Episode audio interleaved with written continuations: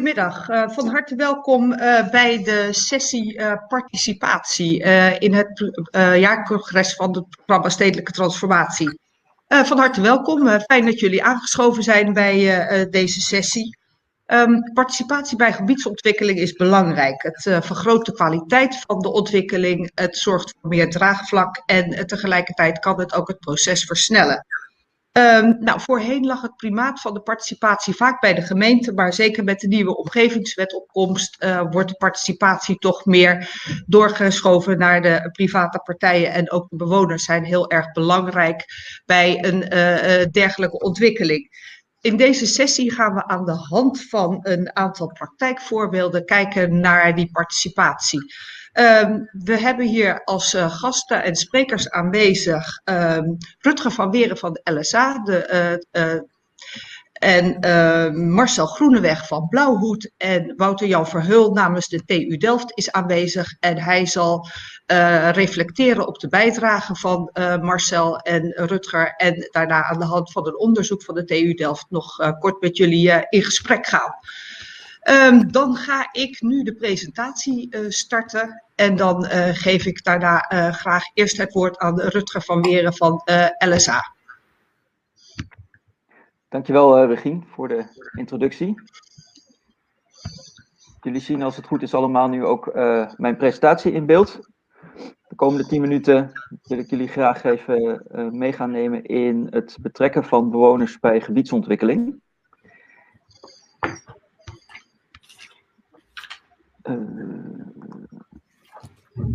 En uh, dat aan de hand van uh, het motto van de helaas overleden dichter Jules Deelder: De omgeving van de mens is de medemens.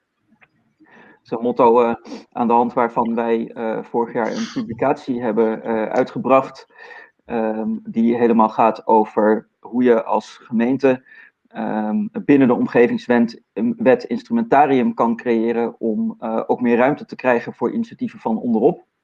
Um, en daar uh, over hoe je dat, uh, hoe ook bewoners zeg maar een rol pakken in gebiedsontwikkeling. Daar ga ik jullie straks ook twee voorbeelden van geven. Um, allereerst nog even iets over mij. Ik ben dus van het LSA, dat staat voor het Landelijk Samenwerkingsverband Actieve Bewoners. We zijn een vereniging voor en door actieve bewoners. Um, en uh, dat doen we door kennis te delen, door belangen te behartigen en door experimenten te starten. Um, kennis delen bijvoorbeeld door programma's, door trainingen, door bijeenkomsten. Uh, of wanneer initiatiefnemers bij ons aankloppen voor advies of voor ruggensteun. Um, en zo uh, uh, geven we kennis door en brengen we bewonersgroepen met elkaar in contact. En proberen we ook te zorgen dat er uh, van de verschillende goede voorbeelden in het land ook geleerd kan worden. belangenbehartigen, dat doen we door ehm, het bewonersnetwerk te versterken. En ook een landelijke stem te hebben als het gaat over onderwerpen die bewoners aanspreken. Um, en jullie zullen straks zien dat dat zeker ook geldt voor gebiedsontwikkeling. Um, en uh, het gaat ook over experimenteren door middel van uh, het uh, uitzetten van nieuwe programma's. En een programma waar ik me op dit moment mee bezig hou, gaat over maatschappelijke gebiedsontwikkeling. En wij verstaan onder maatschappelijke gebiedsontwikkeling, het staat hier op de sheet, het strategisch stimuleren en benutten van initiatieven en ondernemerschap om gezamenlijk invulling te geven aan een gebied, waarbij maatschappelijke thema's en actoren nadrukkelijk een rol krijgen. En voor degenen die net ook bij de plenaire start waren, dat is denk ik ook uh, wat daar ook goed aan de orde kwam. Dat er werd ook een oproep gedaan om uh, als gemeente ook meer te kijken, minder verkoker te kijken en meer te kijken ook hoe je uh, nou ja, verschillende waarden, die dus bij gemeentes in verschillende domeinen zijn ingebracht, juist ook in die gebiedsontwikkeling kunt krijgen. En dat is ook een van de redenen waarom wij denken dat bewoners daar ook een belangrijke stem in zouden moeten krijgen. Want bewonersinitiatieven denken uh, niet zozeer in uh, geld in eerste instantie. Uh, denken soms wel aan een individueel belang, maar heel vaak ook aan het belang van de bewoner in het algemeen. Um, en kijken juist ook integraal hoe, naar verschillende waarden. Want een bewoner die wil prettig wonen, voorzieningen om de hoek hebben, gezond oud kunnen worden in een buurt waar hij zich prettig voelt, in een groene omgeving. En daarmee noem ik al meteen een aantal waarden op, denk ik, die heel belangrijk zijn en die bewoners ook echt centraal stellen. Um, dat heeft een hele directe relatie met de omgevingswet. Um, want die omgevingswet die nodigt ook uit om een bredere kijk te hebben op de functie van de publieke ruimte. Um, dus uh, niet alleen uh, naar één functie, maar juist ook naar het vermengen van functies. En ik denk dat dat ook heel erg past in waar het vandaag over gaat, stedelijke transformatie, waarbij we natuurlijk met he heel veel functies proberen op een heel klein gebied samen te brengen. Um, en um, daarom zijn wij experimenten gestart met zes bewonersinitiatieven om tot nieuwe modellen voor gebiedsontwikkeling te komen. En vanuit dat project wil ik graag twee voorbeelden aan jullie toelichten. En dan kunnen we straks ook, uh, uh, dan zal ik kort wat lessen ook uitdelen. En dan zullen we straks ook een discussie hebben met elkaar en kunnen we wat dieper op de zaken ingaan. Um, en dat alles uh, met als hoofdvraag die we bij dat experiment stellen, hoe creëren we meer ruimte voor lokaal bewonersinitiatief? Bewoners tussen aanhalingstekens, omdat uiteindelijk zijn we allemaal ergens bewoner. Uh, ook als, als professional ben je nog steeds ergens bewoner. Maar het gaat wel degelijk, uh, onze focus vanuit LSA gaat wel degelijk over het initiatief van onderop, uh, lokaal genomen, van mensen die ook een direct belang hebben bij de omgeving waarin ehm, de ontwikkeling plaatsvindt. Um, we zien verschillende verschijningsvormen daarvan. Dat is misschien nog wel even goed om um, dat even toe te lichten. Um, even kijken. Um, we zien dat uh, uh, er initiatieven zijn waarbij bewoners eigenlijk inspraak willen. Maar we zien ook steeds meer dat bewoners eigenlijk mee willen liften op bestaande ontwikkelingen.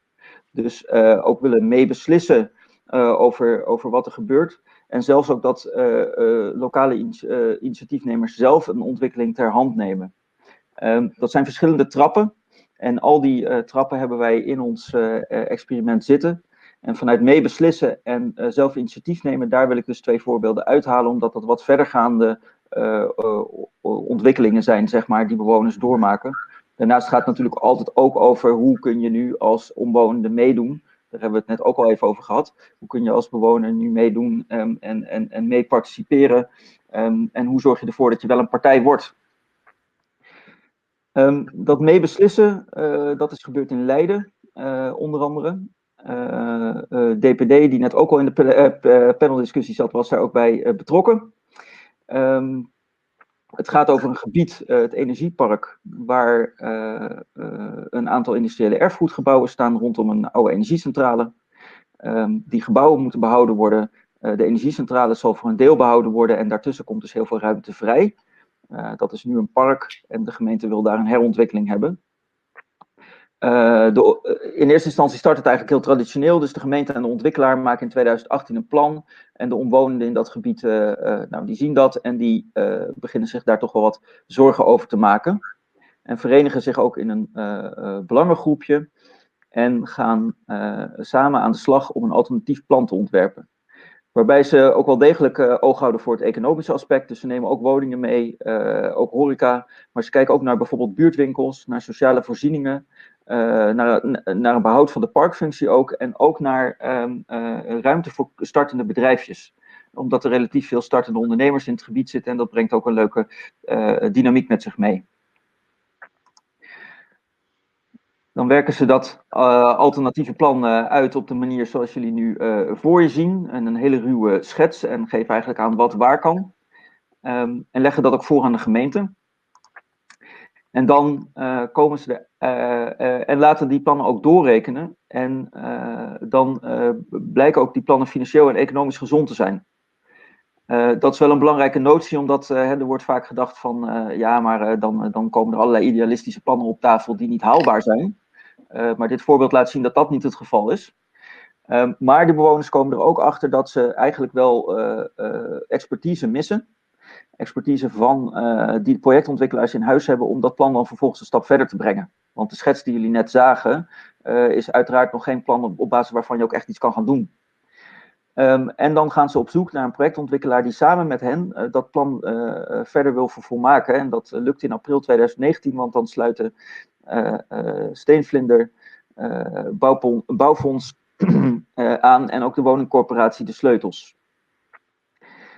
Um, dat collectief gaat dan aan de slag met een gebiedsvisie. En die wordt in oktober 2019 ook door de gemeente geadopteerd. En nu net de recentste ontwikkeling is dat de genoemde partijen en de gemeente een intentieovereenkomst hebben getekend, waarbij alle partijen gelijkwaardig de gebiedsontwikkeling ter hand gaan nemen. En dat betekent ook, dat is wat mij nu bekend is in ieder geval, het eerste voorbeeld in Nederland waarbij een bewonerscollectief, eh, NLB is dat, hè, Nieuw Leids Bolwerk, dat is de afkorting die ik nog niet genoemd had, maar die dus hier ook op de sheet staat. het bewonerscollectief Nieuw Leids Bolwerk ook als een volwaardige partij in dat collectief mee ontwikkelt en hun plannen gerealiseerd zal zien.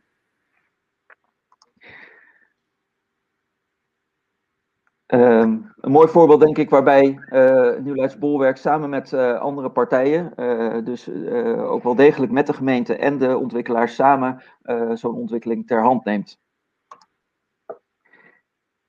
Het volgende voorbeeld dat gaat over zelf initiatief nemen.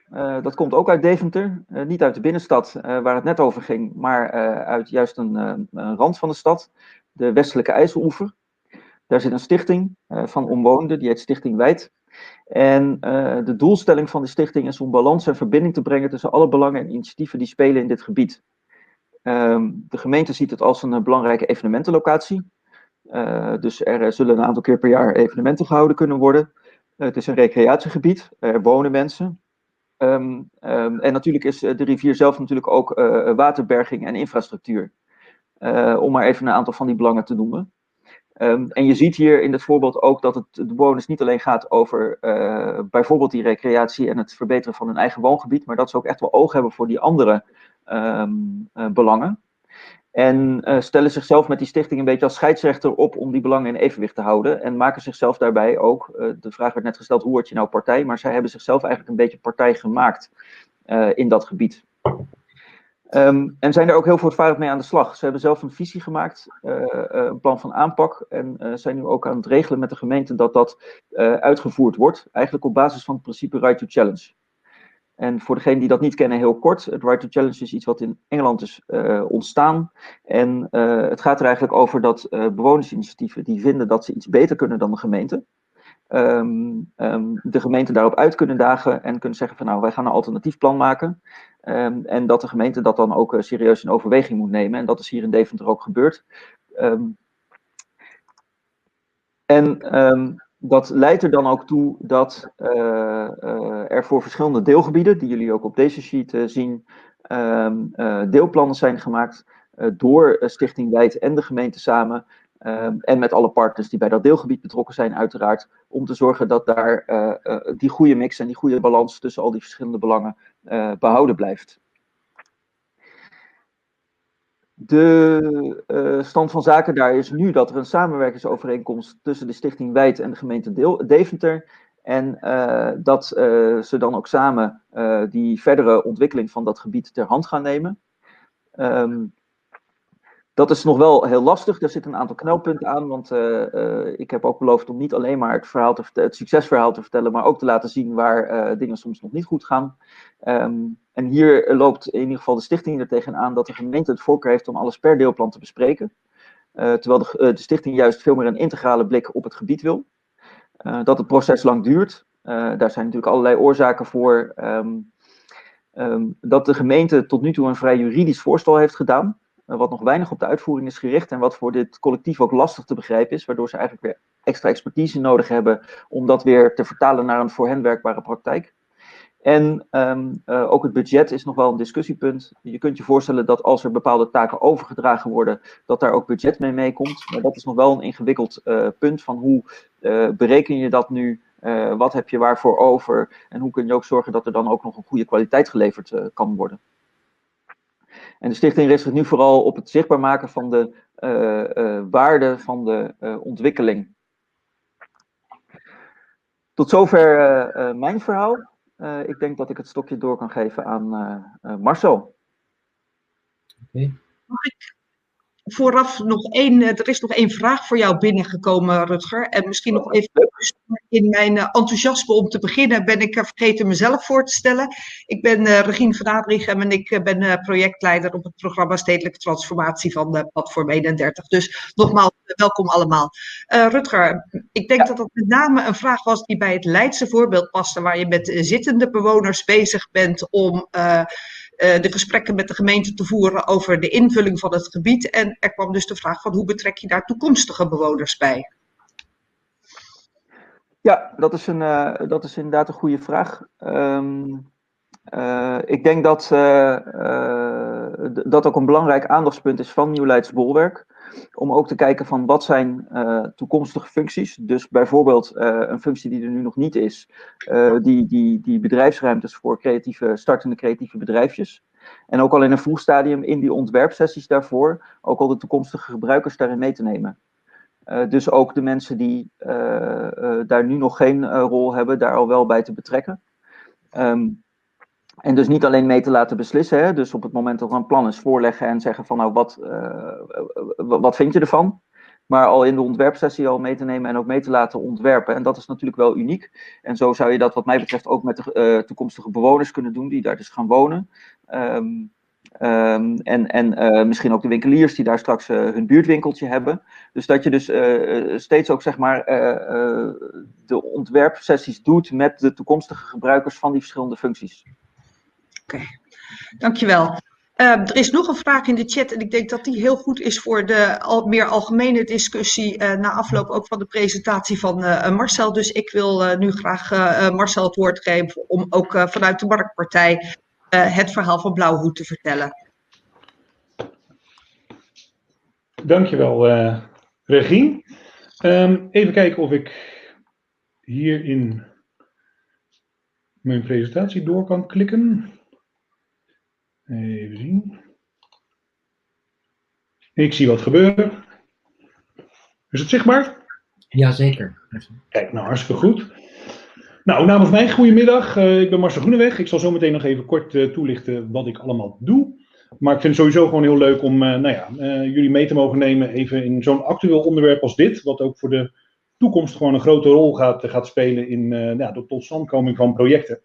En ik wil jullie graag even meenemen hoe dat, uh, hoe dat bij ons in de praktijk gaat. Um, nou, even kort uh, waar, ik, uh, waar ik jullie in mee ga nemen zometeen. Ik zal even kort wat over mezelf zeggen, iets over Blauwhoed. En vooral dan laten zien welk pad wij hebben bewandeld de afgelopen 10, 15 jaar. om nou ja, co-creatie, participatie in de praktijk te brengen. Ook middels een aantal voorbeelden waarin we zo onze leermomenten hebben gehad en ook eigenlijk weer tot verbeteringen kwamen in het proces. En uiteindelijk ook even een kleine blik in, uh, in de toekomst. Nou, dit ben ik. Zeker in ieder geval tien jaar geleden zag ik er zo ongeveer uit. Uh, maar nou ja, jullie zien links een, een, een wordcloud met, met wat zaken wat je van mij kan verwachten. vooral een teamspeler, samenwerken. Maar ja, volgens mij alles wat je doet, moet je doen met passie. En dat probeer ik eigenlijk in ieder project wel mee te nemen en, en, en te zoeken naar nou ja, dat verhaal. Uh, ik ben inmiddels elf jaar werkzaam bij Blauwhoed als senior ontwikkelingsmanager. En ben dus verantwoordelijk voor de acquisitie en, en ontwikkeling en realisatie van, van de projecten. Met name in de regio Rijnmond en, en West-Brabant. Nou, dat doe ik uiteraard niet alleen. Dat doe ik met zo'n 40 collega's. Waarin we ehm, onder andere een studio hebben. Het creatieve hart van Blauwhoed. Wat zich heel erg met co-creatie en participatie bezighoudt. Maar ook heel snel uh, plannetjes kan, kan maken en bedenken om dat, om dat ook te gaan toetsen in, in de markt. Nou, voor wie Blauwhoed nog niet kent. Blauwhoed is rond 1616 ontstaan uit de Amsterdamse haven en later ook in de Rotterdamse haven. We hebben ook nog steeds in beide steden een kantoor. Dus we zitten al ruim 400 jaar in het, in het vakgebied, zullen we maar zeggen. Waarvan ehm, ja, met name eigenlijk de laatste jaren we steeds meer van traditionele ontwikkeling naar ja, de, de, de, de complexere opgaves zijn gegaan. En, en nou ja, vooral zorgen dat je met elkaar dat, dat doet en niet in je eentje iets verzint en dan op de markt zet. Dan heb ik een heel klein filmpje om te laten zien waar we nu ongeveer staan. Regine, kan jij die instarten? Goed wonen en nog beter leven. Dat is onze ambitie bij het ontwikkelen van projecten en creëren van buurten. Dat vraagt om ervaring en kennis. Om inzicht en creativiteit. Om specifieke skills. En om zo vroeg mogelijk in contact te komen met architecten, gemeenten, investeerders, adviseurs en omwonenden. Maar vooral met de bewoners van straks, want daar doen we het voor. We luisteren naar iedereen en gebruiken elk idee. Daar maken we een nog beter concept van. Goed wonen Zoals slimme en technologie die de wens van de gebruiker verrassend Dat is onze ambitie bij het ontwikkelen van projecten en creëren van buurt. bij. En altijd nauw vraagt om ervaring en kennis. Omdat we zo graag om willen dat alles en klopt. creativiteit. Want zo'n route loopt nooit skills. exact zoals gepland. En om zo maar juist daardoor kunnen we te steeds optimaliseren. Dat investeerders, terug in maatwerk. Winbaar in het kleine, met de expertise en kennis van het grote. Want daar doen we het In een flexibele, persoonlijke benadering. iedereen en gebruiken Wij elk weten wat aanpakken is Daar en doen dat met liefde. Beginnen liever gisteren dan vandaag. Om de snelheid erin te houden. Om vanuit een onafhankelijke blik samen te er werken met vaardige partners. Het levert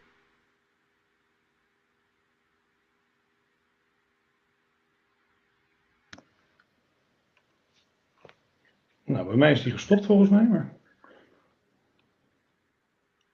bij.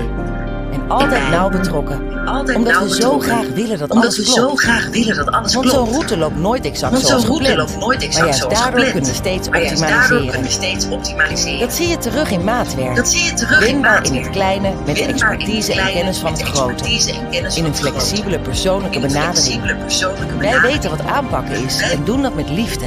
Beginnen liever gisteren dan vandaag, om de snelheid erin te houden.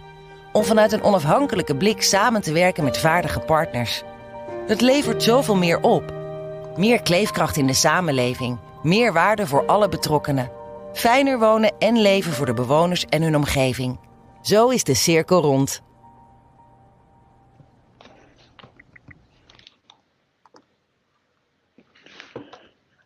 Nou, met een kleine onderbreking hoop ik dat die voor iedereen eh, goed te volgen was. Maar dit is dus waar we nu staan. We zien onszelf echt als eh, facilitator, eh, regisseur in een proces. Waarin voornamelijk wij aan de zijkant staan om bij te sturen waar nodig. De regie nemen waar nodig. eh, maar vooral ook vooral de mensen te laten spreken. Ehm, ja, daar zijn we natuurlijk niet begonnen. En ja, eigenlijk wil ik eventjes terug naar de, Vinex-locaties. de, meeste van jullie wel bekend. Ja, grote uitleggebieden waar we heel netjes en gestructureerd eh woonwijken hebben aangelegd, al dan niet met, eh, in combinatie met winkels. Maar vooral dat daarna, na het bedacht te hebben met elkaar, dat op de markt hebben gezet. ervan uitgaande dat iedereen dat wel wilde hebben en kocht. En dat is natuurlijk ook een hele tijd zo geweest. Weinig keuze voor de consument. Ja, een uitbouw of nou ja, andere soorten meerwerken als een dakkapel of een dakraam werden al gezien als een soort van co-creatie. Zodat je je woning op smaak kon brengen, maar eigenlijk natuurlijk gewoon ja, heel beperkt. En eh, ja, eh, zat het echt niet zozeer op je leefomgeving, maar echt puur op je, functionaliteit van je huis. En dat leverde natuurlijk ja, min of meer eh, geslaagde projecten op. Hè, zoals bijvoorbeeld Helmut Brandenvoort. maar ook soms wel eens wat minder geslaagd. En ja, was de woningnood en, en de behoefte aan, aan koopwoningen zo groot dat eigenlijk alles wel verkocht werd. Alleen ja, in 2008 eh, was er eigenlijk een, een factor van buiten ons eh, die eh, ertoe leidde dat we daar toch eens even anders over moesten na gaan denken. We hadden in één keer te maken met een stagnerende woningmarkt, financiering was eh, heel lastig en ja, de woningen verkochten niet meer. Ehm, nou ja, eindelijk werd de klant koning, hè? Dat, eh, dat, dat, zo zie ik dat ook echt. En ehm, de producten die, eh, die we op dat moment eh, eh, in ontwikkeling hadden, die moesten gewoon goed zijn. Dat deden we middels eh, klankbordsessies op een voorlopig ontwerp. Uh, ook nog net voor verkoop, toch nog een keer die, die pijlstok erin van zitten we nog op de juiste markt. Uh, we gingen op zoek naar ambassadeurs van het project. Um, en vooral ook van nou, waar zit die klantbehoefte, waar zit die klantvraag op dit moment en kunnen we daar heel snel op anticiperen. Uh, dus ja, heerlijke avonden georganiseerd met mensen aan tafel, met schetsrollen. En nou ja, pizza soms ook erbij, de participizza zoals dat dan tegenwoordig alweer, alweer heet. Um, dus een hele andere manier van ontwikkelen. Een voorbeeld daarvan is uh, geweest in, uh, in Meistersbuiten in Utrecht, in Ogenal. Uh, waar jullie linksbovenop, of op, links in het midden eigenlijk, net boven het park, een fabriekscomplex zien, grenzend aan een woonwijk. Uh, buiten bedrijf gesteld dankzij de vuurwerkramp, uh, omdat dit soort grote gevaarlijke bedrijvigheid in een woonwijk toch echt niet meer kon. Daarvoor vonden we dat blijkbaar nog, nog prima. Um, maar met name een hele sterke bewonersorganisatie die toen heeft gezegd: dit kan niet langer, is met de gemeente in gesprek gegaan. En we moeten dit, dit aan gaan passen. Nou, een aantal stakeholders, waaronder de gemeente en ook de provincie, ook omdat er een enorme saneringsopgave hier lag. Maar ook al een stichting Open Oog, wat een, een bewonersorganisatie is. vanuit Ogenal, de wijk Ogenal in Utrecht. Die zich heel sterk maakte voor alles wat er in de wijk gebeurde. Maar dus ook voor deze locatie. En dus uiteindelijk ervoor gezorgd heeft dat die fabriek daadwerkelijk tot stilstand is gekomen. Nou, daarnaast is ook een cultuurorganisatie, het Wilde Westen. Die allerlei cursussen, maar ook toneel en muziek aanbood. En dat zijn eigenlijk een aantal participanten geweest in dit traject. Die we echt omarmd hebben om die plek want jullie zien uh, onder in de foto, ja, dat was een beetje hoe ik het aantrof in 2010. Uh, een, een, gebouw wat in uh, zeecontainers stond, omdat het anders misschien omviel. nou ja, direct naast een woonwijk. Een hele rare, rare situatie. Maar dus ook die toekomstige bewoner erbij betrekken. En ja, dit was toch wel een uniek traject waarin we eigenlijk, ja, ik zeg toch maar de co-creatie avant la lettre aan het ondervinden waren met elkaar aan het zoeken. En ja, rechts zien jullie ook een aantal modelletjes van, nou die de revue zijn gepasseerd en die we ook daadwerkelijk hebben getoetst uh, bij iedereen. Nou, wat heeft dat dan uiteindelijk opgeleverd? Um, we hebben uiteindelijk continu, ondanks de crisis, want het is tussen 2010 en 2014 ongeveer op de markt gebracht, hebben we continu toch de verkoop op peil weten te houden.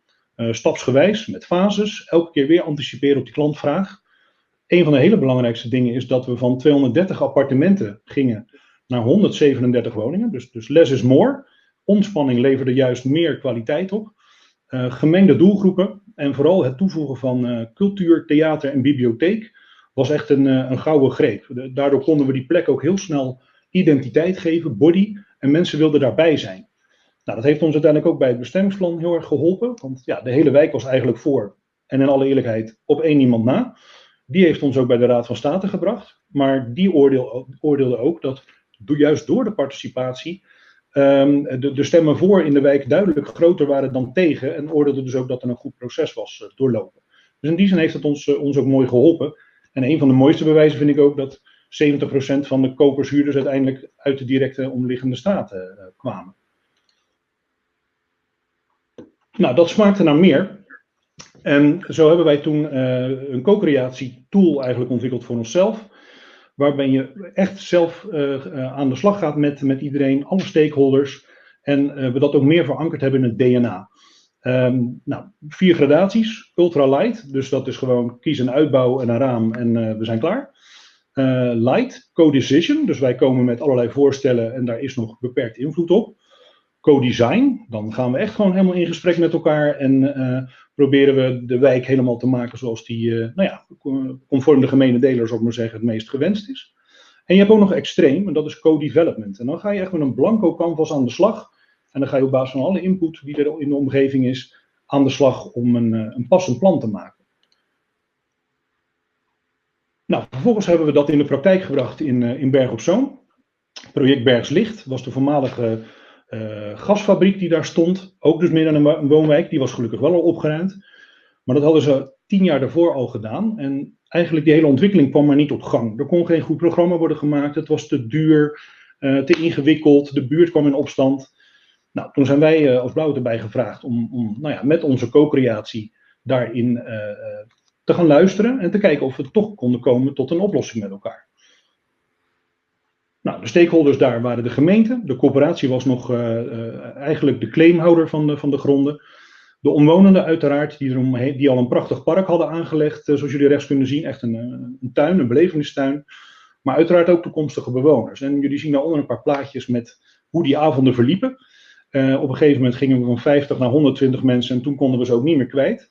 maar wat we zelf heel erg mooi vonden was dat bij de eerste avond 80, 90 procent omwonenden was met argwaan. En na de derde avond, maanden later, uh, eigenlijk nog maar 20% het nou ja, uh, wilde volgen, maar het leuk vond. En 80% mensen waren die er wilden gaan wonen. Dus die omslag die kwam, echt, uh, die kwam echt daar op dat moment al tot stand. Dan even een beeld hoe, dat, hoe die discussie dan liep. links zien jullie de, de oude plannen toen wij ermee begonnen. En in het midden eigenlijk het plan zoals het geworden is. En links ging echt uit van heel veel parkeerplaatsen heel veel appartementen, uh, hoogstedelijk eigenlijk uh, voor, voor, voor Bergen op Zoomse begrippen. En uh, wij zijn dus juist voor een rustiger woonmilieu gegaan. Met hofjes, met gezellige woningjes. Maar ook een paar appartementen op een plek waar het kon. En waar het ook binnen het bestemmingsplan al paste. En dat waren ook een aantal geluiden die we kregen uit de wijk. Met name links achterin, zal ik maar zeggen. Dus bij dat hofje wat je, wat je daar ziet. Dat daar mensen nogal bevreesd waren over inkijk, over privacy. Um, maar ook over de hoogte van de appartementen. Nou, een van de punten die we gelijk hebben aangegeven is: ja, die appartementen mogen we morgen gaan bouwen. Dat is al, hè, hoeven niks in het bestemmingsplan te wijzigen, is altijd zo geweest. Wist u ook toen u er ging wonen. Maar we zijn wel gevoelig voor de privacy en de inkijk, et cetera. Dus daar gaan we mee, daar gaan we naar studeren. Nou, ik heb hem erbij gezet. Het grootste compliment wat we uiteindelijk kregen was dat de eerste keer dat we met die bewonersgroep specifiek aan tafel gingen, had men uiteraard allerlei bezwaren. Het was ook echt de uh, tijdens carnaval uh, een beetje het, het, plasparkje geworden. Dus er was ook veel onvrede in de buurt, vuilniszakken. Uh, dus men wilde ook wel graag dat er wat kwam, maar uiteraard niet ten koste van alles. En een van de grote punten is eigenlijk geweest dat ze vooral de kappen en daarmee de inkijk in de tuinen nogal een probleem vonden, direct aangrenzend. Um, en het mooiste compliment was dus na twee, drie sessies met hen dat we het plaatje rechts uiteindelijk hebben laten zien, waarin de kappen van de twee bungalows achter in het perceel verdwenen zijn hebben we plan dus hebben aangepast. Die mensen zeiden van nou, uh, we hadden uh, niet verwacht dat u zou luisteren, maar we hadden helemaal niet verwacht dat u er ook nog iets mee zou doen. En dat is wel ja, de rijkheid, zomaar maar zeggen, die zo'n proces met zich meebrengt. Want uiteindelijk is het ja, allemaal goed gekomen, zou maar zeggen, en is, is iedereen ook blij geweest. Nou, wat voor resultaat heb je daar dan uit? Na tien jaar stilstand konden we die ontwikkeling op gang brengen. Het bestemmingsplan is zonder bezwaren vastgesteld, wat het toch echt midden in de binnenstad van Berg op Zoom is. De klant en ook de omgeving voelen zich gehoord. Um, we hebben de, de bouwhoogtes aangepast, de kapper, maar ook de producten. Want we waren natuurlijk ook met onze toekomstige klant aan het woord. Um, wat ik ook wel fijn vond, was dat nee ook een antwoord is. Hè? Dus duidelijkheid in zo'n proces heeft ons ook zeker geholpen. Van als iets gewoon al kan en mag, ja, dan, dan is dat gewoon al bekend. Uh, maar een van de mooie bijvangsten vond ik in dat proces dat onze RO-procedure uiteindelijk vlotter ging. We hebben geen bezwaren gehad. Uh, we zijn niet naar de rechter of naar de Raad van State gegaan, dus we konden gewoon direct door. En dat heeft echt die investering aan de voorkant ons opgeleverd. Um, nou ja, en ook nog eens een keer 100% verkocht voor oplevering. Dat is altijd fijn, uiteraard. Maar ook door juist die klant goed te benaderen, konden we het boven de gemiddelde markt van, uh, van Berg op Zoom ook prijzen op deze plek. Nou, dat heeft ons uiteindelijk weer heel veel inzichten opgeleverd, waarin we dachten van oké, um, we moeten die klantreis in beeld gaan brengen of eigenlijk die co-creatiereis. Uh, wat uiteraard, zoals jullie kunnen zien op de kaart, een grillig verloop kan hebben. Hè, tussen bergen en dalen en ook door water of door uh, sneeuw en, uh, en wind. maar uiteindelijk kom je er wel. En juist die weerstand helpt je ook weer om, om nou ja, plannen beter te maken. En vervolgens weer een, een, grote stap voorwaarts te kunnen zetten. Dus we zijn toen echt aan de gang gegaan met deze roadmap. waarin we een aantal tools ook hebben om dat maatwerk te kunnen gaan leveren per, per plek. Nou, inmiddels is dat weer een stapje verder gebracht. En ja, rechts zien jullie eh, de glasfabriek in Schiedam, die we onlangs hebben gekocht. Zes hectare, ook direct aan de stad gelegen en naast een industrieterrein. En daar gaan we echt bottom-up. Dus we beginnen eerst met de why. Waarom gaan we dat nou doen? Waarom gaat straks daar iemand wonen? Waarom gaat iemand daar straks ondernemen? Die identiteit die hij uit die plek gaat halen, die trots. Uh, nou, dat verhaal dat willen we heel graag naar boven krijgen. Een stukje historie. Vervolgens betrekken we iedereen eromheen uh, aanliggende bedrijven, uh, toekomstige bewoners, huidige bewoners, gemeenten. En gaan we echt van grof naar fijn werken. Dus we gaan continu in dat proces toetsen. We gaan placemaking opstarten om de plek bekend te maken. Maar we gaan vooral luisteren. Um, want daardoor eh, wordt je plan uiteindelijk beter en ook neemt de acceptatie toe. En kan je die toekomstige klant misschien al vinden. Maar vooral creëer een zachte landing voor jezelf, maar ook voor de omgeving. De bekendheid neemt toe.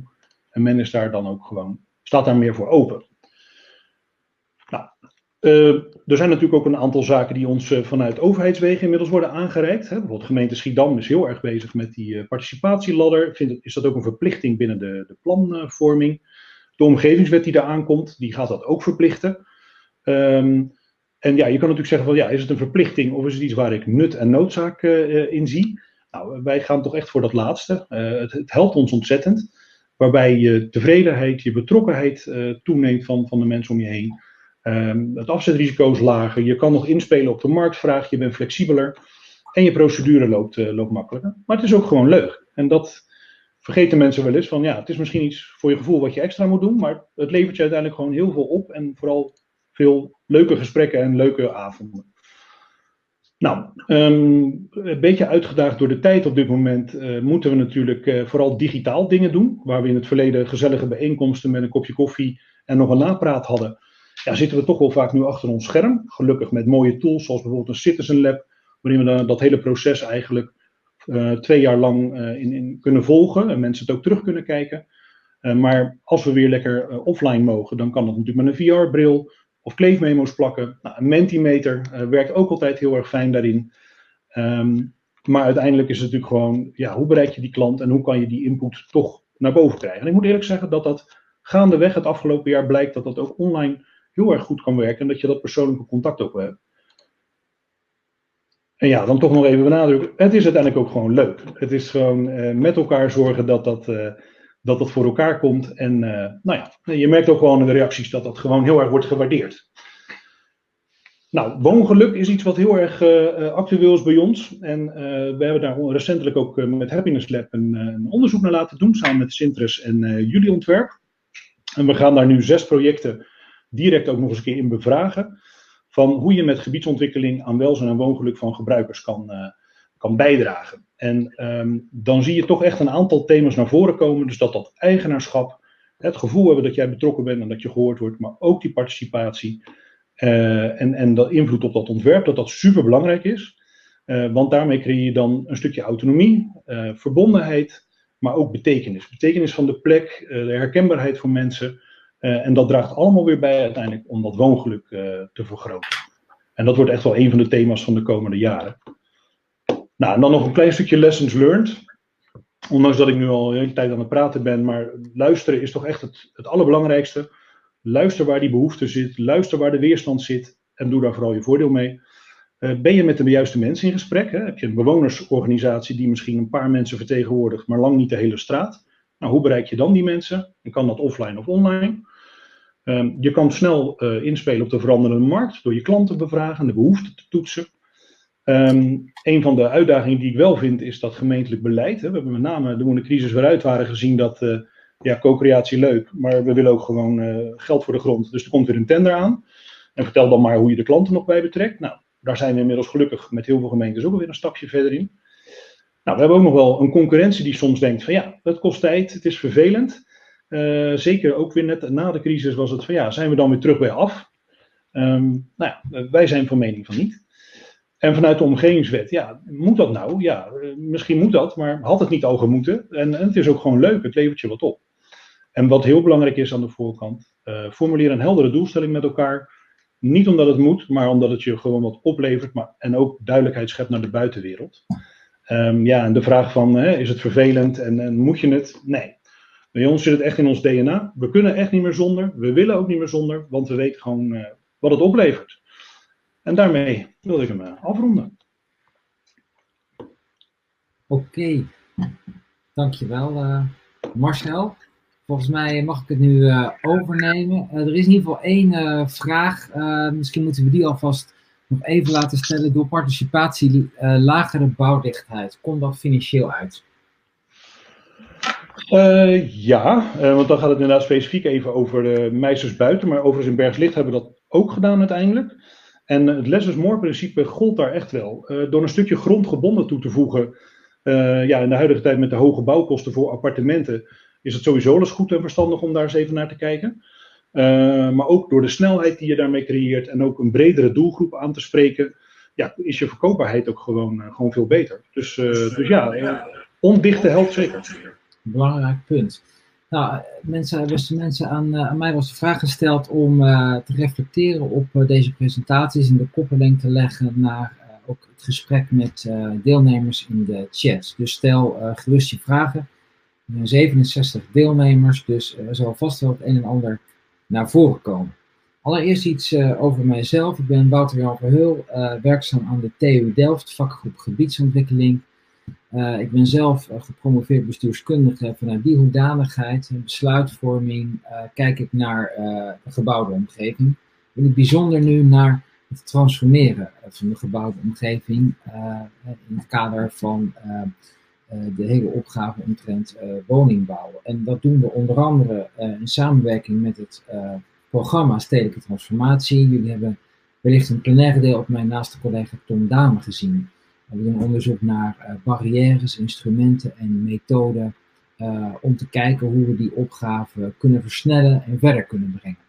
Nou, een van de onderzoeken die we doen momenteel, uh, waar we ook over publiceren, is die, georganiseerde, die privaat georganiseerde participatie. Daar hebben we nu twee mooie uh, sprekers voorbeelden van gehoord.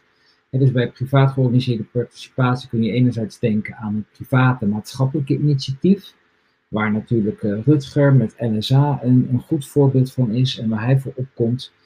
En het verhaal uh, van Marcel van Blauwhoed is een voorbeeld waar de private ontwikkelaar uh, zelf die participatie opzoekt in de omgeving. En dat is, zoals Marcel al zei, in het bijzonder nu een opgave, een uitdaging in het kader van de aankomende omgevingswet. Die, zoals Marcel zei, daar ook om vraagt om dat te doen. Normaal deed de overheid dat natuurlijk vooral. Uh, en steeds vaker uh, is het idee, en dat zien we ook wel in andere landen, dat het daar al veel gebruikelijker is, dat initiatiefnemers, uh, projectontwikkelaars, eigenaren in die gebieden participatie gaan organiseren. Nou, wij onderzoeken welke inzichten kun je daaruit opdoen en wat is het handelingsperspectief voor gebiedstransformaties een paar aspecten daaruit uh, halend, uh, die, die wat ons betreft uh, de aandacht verdienen en wat we ook tegenkomen in de praktijk. Dat is natuurlijk hoe verhoudt zich dat nu, als je dat gaat doen, tot de, het publieke proces en de, de hele gemeente. Hoe is die betrokken? Die heeft ook beleid en ondersteunt die dat of niet? Nou, eerste tussentijdse bevinding, wat we vooral tegenkomen, is uh, geef als gemeente vooral procescondities mee. Dus ga niet je al te veel al bemoeien in het inhoudelijke proces. Geef vooral procescondities mee over die participatie. Wat vind je belangrijk van betrokkenheid van partijen? En verder geef harde randvoorwaarden mee als er bepaalde uh, juridische voorwaarden zijn omtrent wat kan ik qua geluid, qua milieu, qua uh, en dergelijke, qua regelgeving aan, daaraan verbonden aspect op de politieke kant natuurlijk. Want hoe verhoudt zich dit nu tot de politieke besluitvorming in de gemeenteraad? Uh, in participatie kunnen we alles bedenken en vinden, maar uh, hoe zit het met het politieke primaat? Nou, ergens zullen we een vorm moeten vinden als een tussentijdse bevinding waarin we dat verbinden. Dus zorg dat raadsleden ook geïnformeerd zijn over dit proces, nodig ze uit. Het liefst op een manier dat ze ook luisteren of helpen met kaders aangeven. Ehm, en op hoofdmomenten daarbij betrokken zijn. Nou, een ander uh, aspect is wie zijn er nu uh, bij betrokken en wie niet. de hele uh, stakeholder-analyse. Maak die goed, betrek die partijen erbij. Voorkom dat alleen de meest dominante tegenstanders participeren. nodig toekomstige bewoners en mensen in de omgeving. Er was ook een opmerking in de chat. Nou, hoe kijk je naar NIMBY aan? Nou, kijken of je dingen kunt combineren, dat je van NIMBY naar WIMBY gaat. Dat is eigenlijk de gedachte. Soms kunnen omliggende wijken ook profiteren van voorzieningen die in een uh, gebiedstransformatie plaatsvinden. Nou, tot slot even over uh, consensusvorming. Hoe maak je nou een overeenstemming? Dan heb ik ook meteen nog een vraag voor aan Marcel. Hè, ik merk dat veel uh, van die participatieintenties zijn heel mooi. En we hebben ook een prachtige website uh, vanuit de overheid aan de slag met uh, de omgevingswet.nl. We geven allemaal tips voor werkvormenparticipatie, dus kijk daarop. Maar wat mijn inziens die website nog te weinig op ingaat, is ja, wat als er nou geen overeenstemming is en hoe kom je daar nu toe? Dat is ook wat ons betreft een van de belangrijke aandachtspunten. Hoe doe je dat? En dan heb ik meteen een vraag aan jou, Marcel. Uh, ja, hoe ga jij om met die differentiatie en die pluriformiteit in een gebied? En ik kan me voorstellen dat bij woning, als je met alleen de afnemer, consument van een woning te maken hebt, dan is het relatief eenvoudig. Wil je een dakkapel meer of minder, hè, even gechargeerd. Maar als het om de wijk gaat, Eh, hoe voorkom je dat de grootste schreeuwer uh, de participatie domineert? is een veel terugkerend issue. Maar ook, ja, de een kan een bepaalde voorziening willen en de ander helemaal niet. In de wijk. Hoe, wat zijn jouw ervaringen mee? Ja, dat is zeker. Ik heb zeker ook de schreeuwers in, in mijn informatieavonden gehad. En dat is altijd lastig. Hè? Dus je probeert altijd natuurlijk zo iemand, nou ja, wel uiteraard te horen. En op een gegeven moment ook gewoon voorzichtig beleefd duidelijk te maken dat zijn standpunt is gehoord en dat we dat ook meenemen. Mm-hmm. wat ik wel heb gemerkt, en dat vond ik wel een bijzondere bijvangst van het online creëren, dat um, je uiteindelijk die schreeuwers niet meer hebt. Want je hebt een chatfunctie en daarin kan iemand zijn boodschap kwijt. En dat kan hij misschien nog een tweede keer zetten. En du moment dat je de aandacht daaraan besteedt, Um, en aangeeft dat je dat hebt gehoord en meeneemt, uh, is ook vaak gelijk de ander er een beetje uit. Krijg je, voorkom je daarmee dat één iemand de hele avond uh, nou, zit te oreren voor zijn eigen verhaal. Mm. Uh, dus ik vond dat wel interessant, want juist iemand die wat verlegener is, of minder voor die grote groep door gaan staan, die komt daardoor eigenlijk nou ja, ook aan bod, gewoon op dezelfde manier. En als er qua pluriformiteit, als er verschillende opvattingen zijn, en je moet daar, hoe, hoe, zoek, hoe zorg je dat er overeenstemming is? Of dat je een keuze hebt. Hoe gaat dat? Ja, nee, ik zeg er altijd bij, je kan niet altijd iedereen uh, 100% tevreden uh, stemmen. Hè? Dus dat, dat is altijd wel een, een, een punt uiteraard in zo'n verhaal. Maar ik denk de gezonde discussie en vooral ook aangeven dat je, dat je luistert, dat dat heel belangrijk is en ook echt luistert. En dat je ook terugkomt hè, vervolgens met iets. En uiteraard kies je op een gegeven moment voor iets. Um, en, um, dus dan zal er ook iemand teleurgesteld zijn. Maar ik merk wel dat als dat gewoon goed onderbouwd is. En inderdaad hoor-wederhoor heeft plaatsgevonden. Dat dat dan ook ja, 9 van de 10 keer wel geaccepteerd. En ik heb zelf nu een mooi voorbeeld. In, Schiedam uh, zijn we bij het stationsgebied bezig. Waar uh, nou, de wijk best wel wat van vindt. Dus uh, een locatie waar het een en ander speelt. Maar de wijk heeft ook al heel lang waterproblemen. Met name met, met flinke regenbuien. En ja, af en toe kan je ook met een project iets oplossen. Hè? Dus, dus die wateroverlast, die wordt nu deels opgelost in dat nieuwe gebouw. Dat was nooit de bedoeling. Hm. Eh, maar wij gaan er nu gewoon een hele grote hemelwaterafvoer, uh, of uh, hoe het, opvang creëren. Waardoor het voor de wijk dan ook op een gegeven moment van oké, maar er komt iets nieuws. Daar vind ik wat van, maar het gaat mij ook iets opleveren. En ik denk dat die wisselwerking echt super belangrijk is. Het staat voor een soort mutual gain. Hey, en, en ook even een vraag uit de, een van de vragen uit de chat die ik er even uitpik. Vervangt de participatie die jullie in die gebieden doen ook de inspraak, de participatie en inspraak die de gemeente organiseert? Of is het aangesloten of is het verbonden? Hoe, zit dat? Of ondersteunt de gemeente erbij? Maak je er samen afspraken over? Ja, dit, dit is echt een, een uh, gezamenlijk proces. Dus hè, uiteraard in RO-procedures en dergelijke heeft de gemeente natuurlijk zijn normale inspraakmomenten. Uh, maar eigenlijk combineren we dat en we maken ook samen die planning. We hebben bijvoorbeeld laatst ook een mobiliteitsavond gehad. Nou, dan komt de gemeente daar vertellen over de mobiliteitsopgave in, in, in de gemeente. En uh, die draaien daarin gewoon mee. En die vinden dat ook belangrijk, omdat zij natuurlijk ook op deze manier uh, ja, laagdrempeliger hun verhaal kunnen doen. en, en ook gelijk kunnen benoemen wat ze aan het doen zijn voor de stad. Dus dat, dat mes snijdt aan twee kanten. En ik denk juist dat het één proces is en niet een vervanging is, maar meer een integratie van die twee. Hm. Oké, okay. um, ik wil even voor wat jullie doen, hè, die privaat georganiseerde participatieontwikkelaar, ook een vraag stellen aan het publiek. En dat probeer ik te doen middels een uh, poll. Uh, en als het goed is, zou die nu verschijnen. En de vraag is eigenlijk, van, hè, waarom zouden ontwikkelaars, blauw, waarom zouden die die participatie organiseren? En kun je eens aangeven, kunnen jullie eens nadenken over wat is nou voor jullie in jullie optiek, uit je eigen ervaring, nou een belangrijkste reden? Hè? Vergroot het steun van de overheid, politiek voor plannen? Verkleint het negatieve pers in de, in de media? Uh, verkleint het, waar Marcel ook nog even noemde, verkleint het de kans op, op rechtszaak en daarmee kostbare vertraging? biedt het marktinformatie, planoptimalisatie? Volgens mij heeft Marcel ook iets over gezegd. Creëert het ambassadeurs, place branding? Verbetert het imago?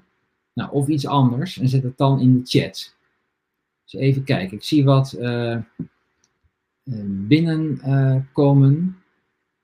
Uh, ik heb van Rien begrepen dat ik dit een beetje moest volpraten, omdat uiteraard iedereen de tijd moet hebben om dit in te vullen.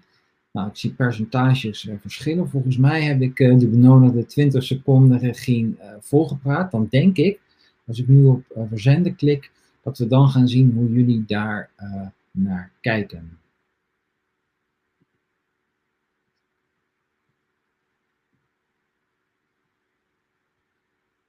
Nou, ik zie in ieder geval, zien jullie ook links de percentages uh, staan?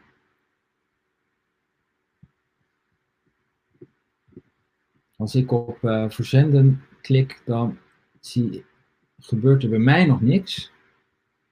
Regine, als jij tips hebt hoe je deze poll via jullie programma moet bevestigen dat de percentages te zien zijn, dan hoor ik het graag. Uh, anders dan noem ik even wat ik uh, zie. Nou, wat hoog scoort is in ieder geval uh, het vergroot steun van de overheid en politiek. Negatieve pers niet zo. Ik zie ook heel veel mensen die zeggen het verkleint de kans op rechtszaak en vertraging. Ik zie ook veel mensen die zeggen het biedt gewoon veel marktinformatie en planoptimisatie. Kun je als ontwikkelaar je voordeel mee doen. En het creëert ambassadeurs. Nou, imago-ontwikkelaar zie ik nog niet hebben we die nu weer gesloten. Um, interessant, hè? Hoe, hoe, wat een vraag is aan jou, uh, Marcel, dan wil ik nog even naar Rutger. Hoe uh, zit het nu uh, met, jij vertelt, nou dit is leuk, dat moet je doen. Maar merk je dat jouw collega's in Blauwhoed of daarbuiten daar ook allemaal in geloven? Ik hoor ook wel dat mensen, de harde Excel vastgoedjongens en meisjes, dat die zeggen, ja, het kost tijd, gedoe. Waarom moet dat nou allemaal zo? Kun jij ook de meerwaarde, en ook financieel, kun jij ook, we doen daar ook nu met studenten bij de TU Delft, en als er weer uh, studio's onderzoek naar, kun je ook de meerwaarde in business case laten zien. En daarmee ook, zeker de, de, de harde Excel-types, zo noem ik ze maar even, uh, daarmee overtuigen waarom we dit moeten doen. Ja, nou, sowieso misschien even, ik denk dat trouwens bij jou een echo zit, uh, Wouter. Niet. Ik hoor mezelf niet. Ja, um, nou, de harde Excel-ontwikkelaar, ja, ergens moet het bij ons ook kloppen in Excel. Hè? Dus dat kan niet zo snel veranderen. Uh, ik zag ook dat het imago van de ontwikkelaar niet beter hiervan wordt. Althans, dat is niet uh, de bijvangst. Maar ik denk ook dat dat niet het streven is. Maar ik denk dat je het met name in procedure moet zien. Dat is één, dus die winst pak je. Uh, maar ook gewoon dat je veel eerder met je klanten in gesprek bent, uh, dat je veel beter kan anticiperen op die markt. En ik moet eerlijk zeggen dat bijna alle projecten waarin wij die co-creatie uh, doorlopen, we daardoor ook een betere kwaliteit kunnen bieden. meer klantenbinding hebben eigenlijk al vanaf een jaar van tevoren soms. en daardoor dus ook ietsje meer kunnen vragen. Dus het levert ook uiteindelijk gewoon op, want de, de gewildheid van het product neemt ook gewoon toe. Dus, uh, dus ja, dat is, dat is een beetje mijn, uh, mijn bevinding. En, uh, we hebben er echt wel een paar mooie voorbeelden van. nou, volgens mij zie ik ook toevallig met Linda Schepers, reageer ik weet niet of dat die vanuit Woerden is, maar in Woerden hebben we dat ook gedaan. En daar hebben we gewoon aantoonbaar boven de markt kunnen presteren. in een moeilijke tijd. Doordat gewoon iedereen heel graag daar wilde gaan wonen en daar ook bij betrokken was. Oké. Okay. Um, ik wil een koppeling maken in gesprek ook naar uh, Rutger, het verhaal van bewoners. Hè. We weten participatie, Marcel het ook al even, de participatieladder. Uh, dus uh, dat is onderin de treden. Er wordt al 50 jaar die participatieladders gedacht. Gaat meer informeren, de burgers en erbij betrekken. En naarmate je hoger op die participatieladder komt, dan ga je echt co-creëren. Nou, Marcel noemde ook een paar vormen van co-creatie. Co-design tot en met co-development. Zelf ook een, een belang nemen. Tegelijkertijd merken we dat vaak de ruimte tussen die treden groot is. Burgers hebben moeite om daarin verder uh, mee te gaan.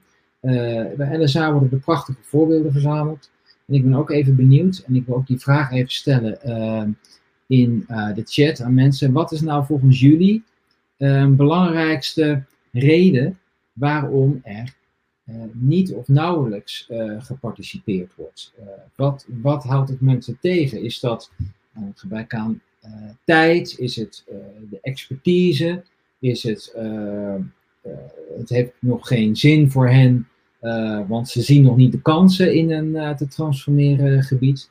Daar hoop ik eigenlijk ook um, wat input voor in de chat te krijgen. Of mensen die daar iets over willen zeggen. Of daar zeggen van nou dat is een barrière.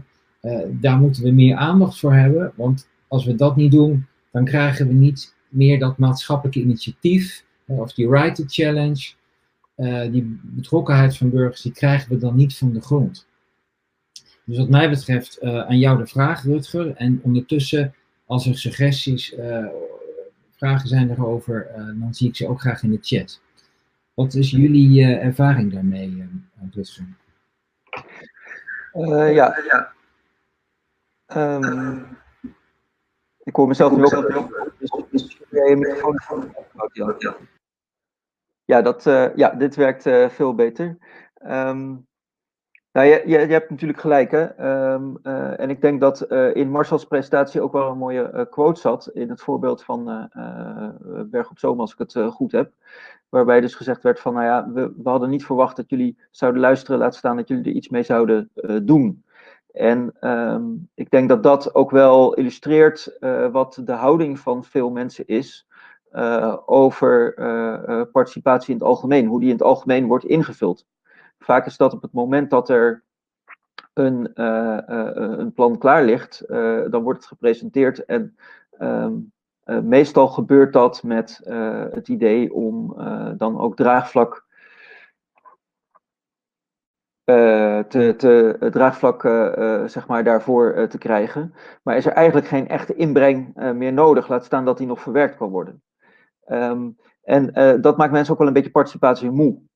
Van ja, ik, ik word wel opgetrommeld om eh, eh, op een moment meestal Ik dat. in de chat komen. Participatie, moeheid. Herken je dat ook dus? Ja, ja dat, her, dat, herken ik, dat herken ik heel erg. En ehm, eh, vaak is het dan zo dat je op een moment dat het de ander uitkomt, op dat moment je zegje mag doen. Ik zag net ook een andere interessante suggestie en dat is dat ja, het is ook lastig om bewoners te verenigen. Ehm, en de voorbeeld die ik natuurlijk net noemde, eh, daarvan eh, zie je dus sterke voorbeelden waarbij mensen wel verenigd zijn, maar dat slaat soms ook door naar de andere kant. Eh, dat er dus met een bewonerscollectief uit een gebied gesproken is en dat de gemeente dan zegt van ja, maar we, we hebben met de bewoners gesproken. Ehm, en dat is natuurlijk vaak niet waar, want zo'n belangengroep vertegenwoordigt vaak ook maar de belangen van een deel van de bewoners of de toekomstige gebruikers. eh, ehm, en dat is ook prima. Eh, maar je zult dus denk ik de verschillende eh, groepen daarin ook op moeten zoeken. Want ja, dat is ook wel een, een statement van mij. De bewoner eh, bestaat denk ik ook niet. Ehm, of de gebruiker bestaat ook niet. Hè? Dus da- daar zit gewoon heel veel diversiteit in.